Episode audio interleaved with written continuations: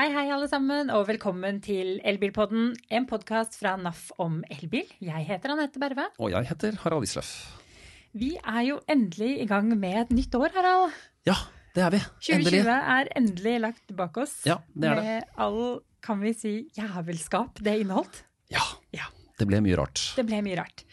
Men det, eh, før vi setter i gang med elbil, så føler jeg at det er litt verdt å nevne at eh, det ble en litt lengre pause på oss enn vi hadde sett for oss eh, nå i julen, Harald. Det gjorde det. For uh, det kan jo faktisk hende at noen av dere lytterne der ute har sett Harald på TV-skjermen med tittelen Operativ leder, og tenkt hva har skjedd? Har Harald forlatt elbilpodden? Neida. Men det dere lyttere ikke vet, er at Harald er en av de som jobber som frivillig i Norsk Folkehjelp. Og han har jo da brukt den siste tiden i ledelse for redningsaksjonen på Gjerdrum.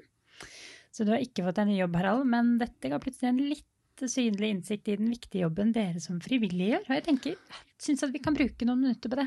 Ja, nei, det er slik at redningstjenesten i Norge er bygd opp av frivillighet. Og beredskapsorganisasjoner, Norsk Folkehjelp, Norges Røde Kors og Norske Redningshunder og flere andre organisasjoner de uh, legger ned tusenvis av timer i flere hundre redningsoppdrag hvert år og er en del av den nasjonale beredskapen vår. Som jeg også er en del av som en leder.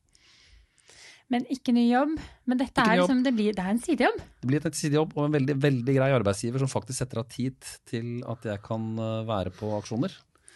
Så det er jeg takknemlig for. Ja, det er kjempebra. Dere gjør en kjempejobb, eh, dere frivillige der ute. Så, takk, takk for det. En liten, uh, liten, applaus for det, Harald. Jo, takk, det må ha vært en tøff start. Det er sjelden vi har avsporinger her i Elbilpodden, ja. men uh, den, får vi ja. Den syns jeg fortjente en liten avsporing. Takk. Så, men vi, vi, skal snakke om elbil, vi. Eh, Absolutt. Har, eh, det var ikke bare et år med mye jævelskap, for det er også et veldig spennende år eh, hvis vi snakker om elbil og, og, utviklingen innenfor den bransjen. Det er jo sånn at disse årene blir mer og mer spennende, rett og slett. For hvert år som går, så kommer det stadig nyheter, og det gjøres stadig utviklinger, og lover endres. Uh, og vi får så, mye mer spennende ting framover også. Vi gjør det. Og da, for å ta et lite tilbakeblikk på 2020 men i aller viktigst virkelig se fremover og se hva er det som kommer i 2021. Så har vi fått med oss eh, gutta i Motorredaksjonen igjen. Det er Knut Moberg og Øyvind Monn Iversen som har satt seg bak mikrofonene. Hyggelig å se dere igjen. I like måte. Å se dere. Dere er jo faktisk fysisk i studio. Vi har, fått, vi har fått, så mye pleksiglass her at nå, nå, kan vi jo faktisk samles på en god måte. Det kan vi. Men vi legger jo da et, eh, også et historisk elbilår bak oss. På tross av pandemien så kjøper nordmenn biler som aldri før. Annenhver bil solgt i 2020 var en elbil. Det ble solgt 76 789 elbiler. Og Norges mest solgte bil var Audi E-tron. Knut, hva sier det nybilsalget om norske bilkjøpere? Det sier at uh, det norske markedet er uh, et modent elbilmarked, som det heter på fagspråket. Det vil si at elbil er blitt det naturlige valget for et flertall av nybilkjøpere. Og la oss huske på at det er nybilkjøpere vi snakker om. De fleste nordmenn kjøper jo fortsatt bruktbil. Og da er det diesel som gjelder fortsatt i dag. Men uh, det betyr altså at når man skal ha ny bil i dag, så er uh, elbil det naturlige førstevalget, altså for uh, over 50 Uh, og en veldig stor andel av de resterende vil også ha ledning på bilen, men de vil gjerne ha muligheten til å kjøre litt lenger uten å lade også, så de kjøper ladbare hybrider. Men over 20% var jo ladbare hybrider. Så det betyr at eh, et veldig stort flertall av bilene på markedet nå er, eh, har eh, ledning og stikkontakt. Men bare kort om E-tron. Hvorfor tror du at akkurat E-tron har blitt så populær at det da blir den mest solgte av nybiler?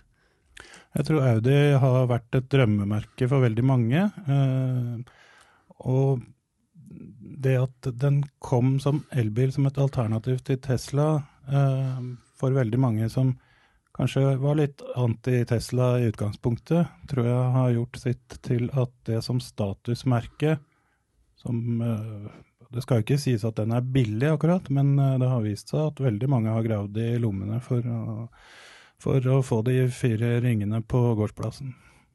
I elektrisk utgave. I elektrisk utgave. Nettopp. På andre- og tredjeplassen så eh, sto jo Model 3. Eh, kapret eh, andreplassen 16 biler foran eh, ID3, Øyvind. Ligger det mye prestisje i å være den mestselgende modellen et år? De gjør nok det litt sånn internt i organisasjonene, men for folk flest så tror jeg ikke de ser så veldig mye på 16 biler fra eller til. Det er vel mer det, det tilbudet man får, altså hva, hva, gir en ID3 deg, hva gir en modell 3 deg, hva gir en Audi E-tron deg? Sånn, når de skal gjøre opp et slags regnskap og vurdere å kjøpe seg en ny bil, så er det vel andre faktorer som slår inn enn antall, om det er et dusin eller et halvt dusin, mer eller mindre, tipper jeg. Jeg tror nok mer det er en prestisjekamp mellom uh, importørene her. Uh, når du ser innsatsen Tesla gjorde på nyttårsaften for å gå forbi. Altså De lå bak Volkswagen med 120 biler formiddagen nyttårsaften. Og så klarte de å gå forbi med 16 biler utpå kvelden samme dag. Det er klart at det var uh, bare for å gå forbi Volkswagen på registreringsstatistikken. Men som Øyvind sier, folk flest bryr seg jo ikke om det. Nei, men det er jo et interessant innblikk i hvor utrolig tøff den konkurransen er for tiden. Men når vi da ser fremover, så er det ikke rent få nye modeller som uh, kommer på markedet. Noen uh, rakk akkurat å bli nevnt i uh, nybilregistreringen for 2020. Hvor mange nye modeller er det vi venter oss i, i 2021, Knut?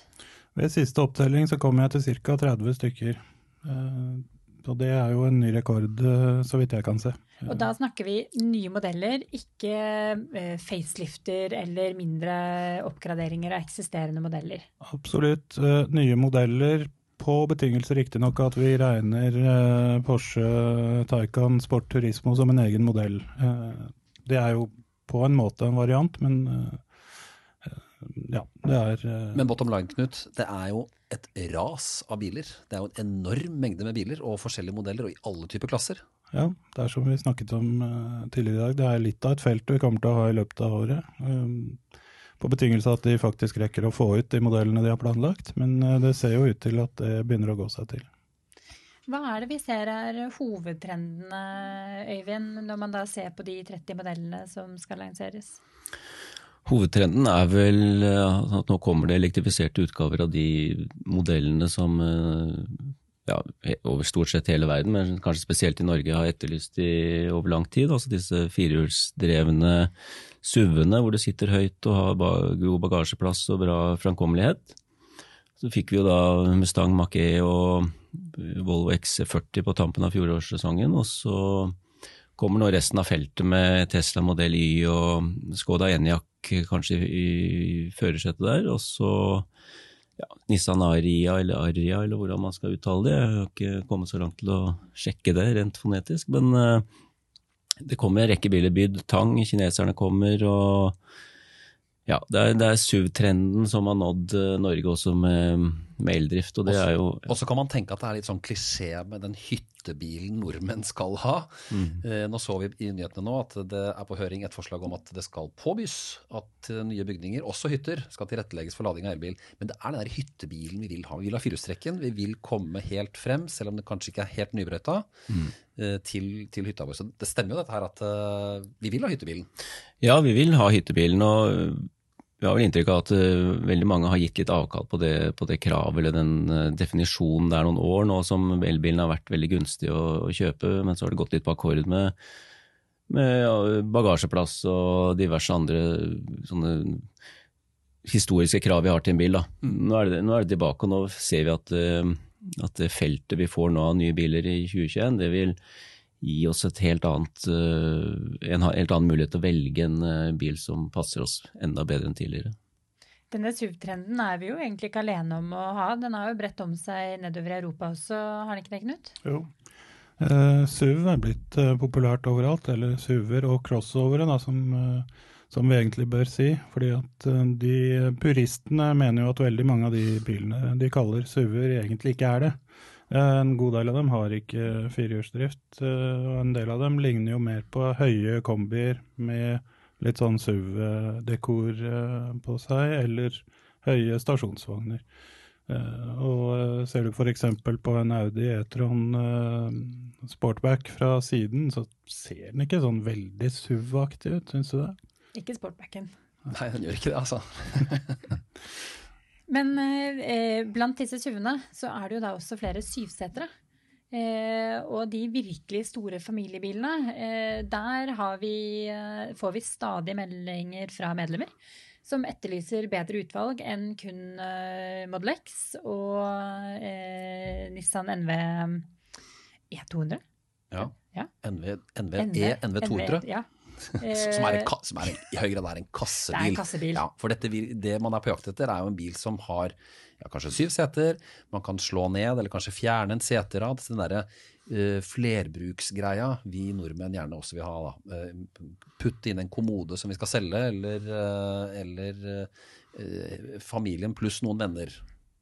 Familie, nei, fotball, eh, fotballkjøringen. Fotballkjøringen, rett og slett. Men der kommer endelig utvalget, Øyvind.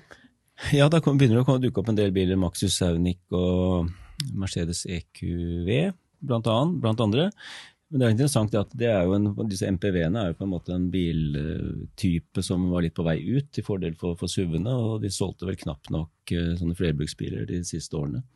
Så det er interessant hvis de blir etterspurt som elbiler. Men faktum er at eh, tilbake til det jeg sa i stad, så, så kommer jo utvalget av det. Og det er kanskje det som er det viktigste, at man nå har mulighet til å velge en, en eh, sjuseter hvis man skal ha med seg nabobarn og, og håndballaget, eller en SUV, som tradisjonelt har vært førstevalget. Altså For dere som har holdt på en stund som biljournalister, så husker jo dere Renault Espace og Toyota Previa, som eh, hadde et dashbord så svært som et stellebord. Jeg hadde faktisk tre Renault Grand Scenic på rad ja, da jeg hadde små barn med sju seter. og alle som har, sier noe negativt om eh, franske biler og pålitelighet der, de kan komme og snakke med meg, for det er de tre beste bilene jeg noen gang har hatt. og Jeg har hatt ganske mange. Og nå kommer de altså i elektriske utgaver. Nå kommer de elektrisk. Nettopp. Jeg syns i grunnen det er ganske artig at, eh, at man får muligheten til å gjenoppdage hvor praktiske eh, flerbruksbilene egentlig er, faktisk. Men det er jo som Øyvind sa, de er blitt uh, skviset ut av SUV-ene de siste årene, og flere og flere produsenter sluttet å lage dem. Ford S-Max var vel egentlig, og til en viss grad Volkswagen uh, Touran, uh, var de siste som solgte i noen antall eh, her i landet. Men nå kommer altså disse elektriske. Blant disse nye modellene så ser vi jo også at eh, det fortsatt drypper inn med nye kinesiske merker som vil eh, få en fot innenfor det europeiske markedet. Eh, Da er det jo spesielt Nio og, BID som vel kanskje er de mest litt sånn eh, interessante på nybilfronten, men det er jo flere. Eh, Hva er erfaringene deres med de kinesiske modellene så langt, som kan gi oss en liten pekepinn på hva vi kan forvente nå i også året som kommer? Øyvind, jeg tror Knut så på deg. Ja, Øyvind har nettopp uh, levert tilbake en Xpeng G3, så Nei, altså Vi har jo selvfølgelig store forventninger, og det er veldig spennende det som skjer på det kinesiske markedet, og de, de innblikkene vi får i de bilene som kommer derfra. og Forventningsbunnen spennes jo selvfølgelig, men eh, de kommer til Norge etter hvert, og de skal ut i en norsk vinter, og de skal lades, og de skal brukes, og de skal eh, måles på rekkevidde og komfort og, og varme og bagasjeplass og all, all type praktiske eh, premisser, så og da faller de litt igjennom, syns jeg. Jeg synes Både MG-en og X-Pengen G3 har, har sine fordeler og sine kvaliteter, absolutt. Men som bil betraktet for norske forhold, så syns jeg fortsatt at eh, de to eksemplarene fra Kina har en, en god del å gå på, sammenlignet med europeiske biler og Tesla, ikke minst. Hva tenker du konkret på da, at de har mer å gå på med de kinesiske modellene i Norge? Jeg tenker på sånne helt eh, elementære ting som man opplever når man har kjørt bilene en periode. Alt fra kjørekomfort, eh, setekomfort, eh, støy, altså materialkvalitet.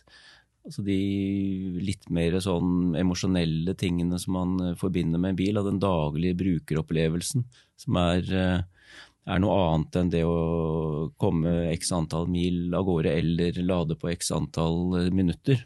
Tror du det er noen sånn preferanseforskjell med et bilmarked som vi aldri har hørt noe til eller hatt et forhold til, som nå kommer inn med modeller i, vårt, i våre preferanser? Det er det definitivt, og det ser man jo bare sånn tradisjonelt på, på europeiske biler, hvordan, eh, hvordan BMW og Mercedes og, og Volvo og Audi, tyske såkalte premiemerker, har en helt annen posisjon enn asiatiske Toyota, Mazda, en del franske biler. Og sånn er det selvfølgelig. De, de mekanismene blir jo bare ytterligere forsterket når det kommer uh, biler fra en nasjon som vi eller nasjonen har vi hørt om, men bilen har vi aldri hørt om. og mm. Da vil jo selvfølgelig det forsterkes kraftig. Mm. Vi har nok en helt annen selv om jeg tror at de, altså Salget av MG viser jo hvor åpne vi er for nye biler, og hvor åpne vi er for uh, kinesiske biler, bare, bare det passer lommeboka bra nok. Så jeg tror nok at uh, fordommene og sånn skal vi ikke uh, bry oss noe mer særlig om, men jeg tror nok at når man begynner å teste disse bilene fullt ut, så er det fortsatt kvalitetsforskjeller, helt reelle kvalitetsforskjeller. Men det er vel grunn til å tro, Knut, at kineserne kommer til å gjøre hva de kan for å tilfredsstille europeiske kunder og nye markeder? Ja, da vi, vi snakket litt om det her før. Det er klart at dette her er første forsøk for kineserne. Uh, som asiater flest er de veldig raske til å snu seg rundt og til å lære og tilpasse seg de markedene de skal operere på. Det tror jeg kineserne kommer til å, å gjøre. tilbakemeldinger som kommer på de første produktene, de tar de på høyeste alvor. hellig overbevist om. Og vi ser jo MG eh, ZS EV var den aller første kinesiske modellen som begynte å selge i Norge, og den har jo solgt i store antall. Den var jo i topp ti eh, på modellregistreringen i fjor. Eh, men eh, vi skal huske på at MG-en er, ikke noen ny bil. Det er, det er, en nyhet for oss, for den kommer fra Kina. Men det er jo en elektrifisert versjon av en, av en bil som allerede det er noen år siden den ble utviklet allerede. Så det er ikke det nyeste de har å komme med. Eh, Xpeng er jo en veldig fersk eh, startup, en oppstartbedrift som eh, har veldig lite erfaring med å produsere biler. Det samme gjelder NIO, som også har planer om å lansere seg i år. Men hvor langt de allerede har kommet på bare et par-tre år, er jo tross alt imponerende. Produktene jo... er nok ikke helt klare ennå, men de kommer dit. Vi ser jo hva teknologisk oppstarter som ikke har laget biler før, hvis de først setter alt, uh, alle kluter til, så kan man jo ende opp med en, å bli en stor elektrisk bilprodusent fra USA f.eks. Ja, det, det, er jo, det er jo et eksempel uh, på hva slags, hva slags, satsing det er. Det dreier seg om at Xpeng f.eks. 50% av de som jobber der, jobber med software, altså med programvare og IT. Det er, ganske, det er ganske, massivt. Men når vi da først er inne på dette her med, med nye bilmerker, nye utfordrere. Eh, eh, Knut, hvis vi holder oss på det sporet, hvilke utfordringer og, er det bilbransjen står, eh, står overfor? Hvis vi da tenker på året som kommer med de, de, nye elektriske modellene som kommer, og litt denne overgangen fra å satse på bensin- og dieselbiler til å nå sakte satse på elektrifisering. Utfordringene bransjen har, er jo Vi har vært inne på det før mange ganger. Eh, infrastruktur, altså ladeinfrastruktur, og det at eh, folk må kunne, kunne, lade hjemme, selvfølgelig. Altså Det er for utviklingen av markedets del. Eh, når det gjelder selve, selve bransjen og, og eh, utfordringene de får nå som det kommer et rush med eh, press om å produsere nye elbiler, vil jo kunne være, i første omgang, hvis vi ser bort fra covid-situasjonen, som kan uh, trenere det hele noen måneder til uten at vi har oversikt over hva, hva slags konsekvenser det får inntil videre. Uh, så har vi jo allerede sett tendenser til flaskehalser i forsyningskjedene, f.eks. For uh, mangel på råvarer. det blir en voldsom etterspørsel etter diverse metaller og når det dreier seg om batteriproduksjonen. Uh, og så er det en uh, stor utfordring som, uh, som, vi har vært inne på tidligere, med f.eks. Volkswagen har merket, og det er tilgang på kvalifiserte, kompetente eksperter på digital teknologi og programvare. for det er jo utvilsomt en dreining fra mekanisk baserte produkter til høyteknologisk IT-baserte produkter vi, vi snakker om. Dagens biler er rullende datamaskiner. Det er liksom det, og Her er programvare vel så viktig som uh, det fysiske som får den til å rulle fremover. Absolutt. Det er ikke lenger noen uh, lettvint floskel, men det er en realitet. Det, Eh, En av utfordringene vi ser nå i disse dager, er f.eks. mangel på tilstrekkelig med prosessorer, altså chip, chipen som skal Datamaskin, hjernen. Hjernen, rett og slett. Og uten hjerne så har vi sett eksempler på at de bilene blir stående på en stor parkeringsplass eh, i flere måneder uten å kunne brukes til noe. Men har de tatt nok inn over seg at de også må eh, på en måte kunne den delen av produksjonen? Eh, jeg tenker Når vi da både ser på software-problemene til ID3, men også dette her hvis man tenker eh, tilleggsproduktet, som jo er appen, eh, som veldig mange elbilister er eh, fan av å bruke for å kunne kontrollere forvarming av bilen, så viser det seg gang på gang at de appene er ikke stabile nok. Eh, De peker på eh, serverutfordringer som gjør at ikke de håndterer så mange brukere samtidig. Eh, Og dette så vi i fjor vinter, og nå skjer det samme igjen. Der er det jo spesielt, det vel spesielt Nissan og Audi som får gjennomgå for, for sine apper i diverse forumer. Tar de nok inn over seg at dette her er noe de må mestre? Eh, Jeg tror nok at eh, de- tok det ikke inn over seg tidlig nok. Eh, Jeg tror de har tatt det inn over seg nå, men kanskje i seneste laget. Og da er jo selvfølgelig problemet at det er en treghet i systemene der.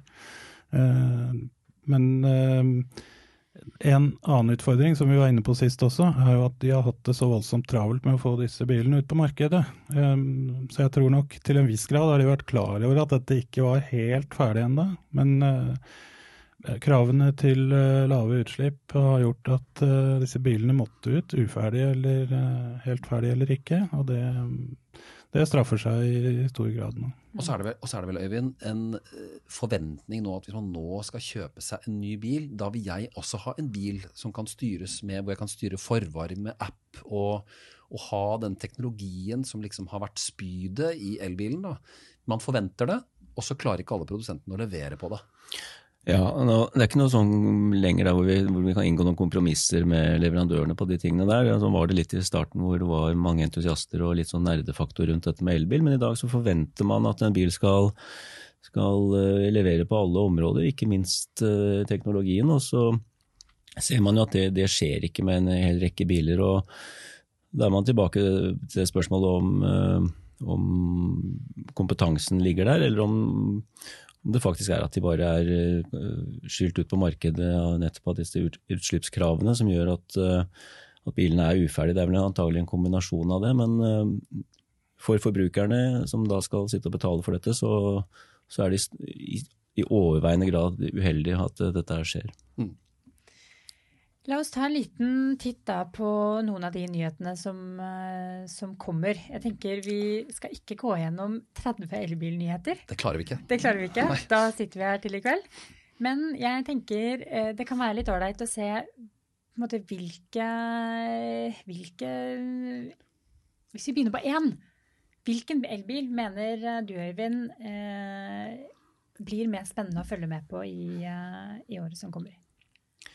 Du kan få velge flere. Også. Det er veldig mange, men eh, jeg, jeg tror nok jeg holder en, kanskje en knapp på den eh, Nissan eh, Aria. Nå vet jeg, nok en gang så vet jeg ikke hvordan man skal si det. Jeg har sagt Aria, Aria, men eh, det er kanskje For jeg så for meg litt det derre Er ikke den sånn musikk? Vi får finne ut av det Ja, neste episode. det. Ja, Neste- det vi skal finne ut av det. Mål for alle fire å finne ut dette neste episode. Det finner vi nok ut av en vakker dag.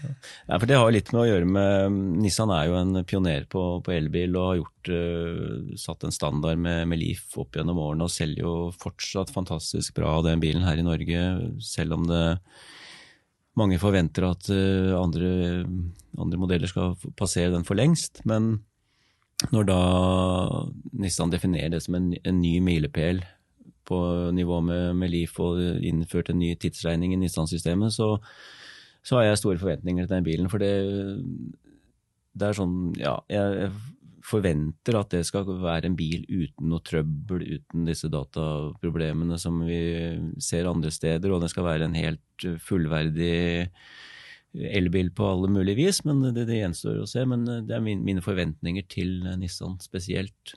Og endelig går de vekk fra Shademo over til CCS-lading. Ikke minst. Jo er på en måte den ladestandarden som man egentlig er enes om i Europa. Mm. Eh, Det er, bare det i seg selv tror jeg blir en, eh, en positiv utvikling for deres del. Hva med deg, eh, Knut? Hva syns du det er knyttet mest uh, forventninger til? Jeg har eh, tenkt litt gjennom det. Jeg så litt på disse kineserne, som jeg er selvfølgelig veldig spent på. Men jeg tror jeg skal utsette det til neste år. De får, de får et prøveår til. Nei, jeg har sett på når det gjelder teknologi, og de som virkelig kan få til noe fordi de kan ta seg betalt for det, har jeg sett litt nærmere på. Jeg nølte litt mellom den kommende Mercedes EQS og BMW iX. Eh, for, det, for begge er det jo neste generasjon eh, elbil som baseres på dedikerte plattformer, dedikerte teknologiplattformer.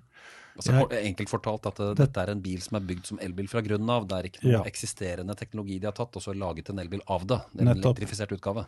Nettopp. Og for å gjøre det litt ekstra komplisert i BMWs tilfelle, så er det faktisk en egen elbilplattform, men ikke den de kommer til å bruke til fremtidige elbiler. Så dette, en, eh, dette vil antagelig bli hva man kaller en showcase for teknologi. Og da, når det gjelder BMW og Mercedes, så tror jeg ikke de overlater så mye til tilfeldighetene. Og jeg landet til slutt på BMW iX, som den jeg virkelig er spent på å få vite mer om og, og se nærmere på.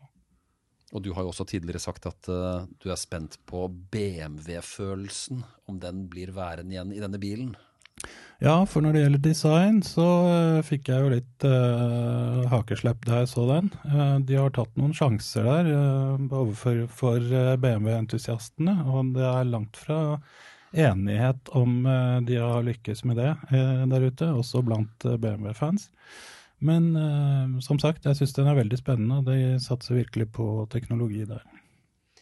Jeg må jo ærlig innrømme at jeg er veldig enig i deres valg. Men jeg er også utrolig spent på Hundai sin, sin nye satsing. Med, er det Jonic 5 uh, de kaller den? Som er da deres første helt rene, dedikerte elbilplattform. Mm. Som de skal introdusere. For Hundai har gjort det råbra fram til nå med de bilene de har hatt på markedet, spesielt Kona gjør det jo konsekvent best i, eh, i våre rekkeviddetester, både sommer og vinter. Så der lurer jeg på liksom, hva er da neste steg for dem? Hva skal, hva skal til for å uppe den posisjonen de nå har? Ja, det regner jeg med at de kommer til å klare. Jeg tenker 800 volt er et stikkord, ja. blant annet. Blant annet det. De lover jo superduper rask lading. Og når de attpåtil har effektive biler som leverer på rekkevidde, da begynner vi å snakke her. Da er det bilen for folket. Da blir det bilen på folket. Ja. Hyundai var definitivt blant finalistene til spenningstoppen hos meg. Nettopp. Men vi skal ha med mange av disse modellene som eh, vi finner på lanseringskalenderen som dere har på, på motor.no. Mange av de bilene skal vi ta med oss ut på test faktisk om veldig kort tid. Ja, enda en gang så skal vi streve med det svære rigget, Anette, og få disse bilene ut på en test. Gjøre det så likt som mulig. Vi må jo det. Ja. Ingen, uh, ingen januar uten NAF og Motors store rekkeviddetest. Nei. Da, denne gangen så ser det ut som at det blir 25 modeller som skal uh, kjøres fra Oslo og nordover. Kjøres uh, helt tomme for uh, strøm, sånn at vi kan måle faktisk rekkevidde. Og også sjekke om de lader som lovet. Der skal vi ha med mange spennende nyheter, Øyvind og Knut. Blant annet så blir Ford Mach-E med. BMW iX3 er vel de to som i hvert fall dere to selv nylig har prøvekjørt. Og mest sannsynligvis skal kjøre selv i den eh, testen. Ja, det blir spennende. Ja. jeg gleder oss veldig til det. Og det er, vi får vel, jeg vet ikke om det er offisielt ennå, men vi får vel kanskje en av hver av Mustang. En, både en bakhjulsdrevet med lang rekkevidde og en firehjulsdrevet med litt kort rekkevidde. Det får vi vite ganske om veldig kort tid. Bottom line er i hvert fall å følge med på Facebook-eventet på NAF eh, på Facebook. fordi her kommer vi til å poste hva som skjer fremover. Altså, det er, det er, det, ja, alt er ikke i boks ennå. Det kan dukke opp noen overraskelser. Og vi kan i hvert fall love at det blir veldig mye spennende. Og det gjelder å følge med på live-eventet og slike ting som vi publiserer. Det blir det. 27. januar. 27. januar. Og med det så lurer jeg på om vi runder av dagens uh, sending? Det tror jeg også. Da har det vært en uh, fryd å ha herrene Moberg og Mon Iversen i studio igjen fra Motor. Husk at du kan abonnere på denne podkasten i alle tilgjengelige podkastapper, YouTube og Spotify. Og du finner mer om elbil på naf.no elbil. Og der kan du også sende oss på Facebook. NAF Elbil på Facebook. Send oss gjerne en melding på Messenger hvis du vil. Um, og NAF Norge på Instagram her i studio, altså. Knut Moberg og Øyvind Mann-Iversen. Og i studio Anette Berve og Harald Wisløff. Teknisk ansvarlig var Isabel Andersen Mojos og Mariam Hamsawi. Og så ses og høres vi igjen om forhåpentligvis en 14 dagers tid. Ha det godt. Ha det bra. Ha det bra.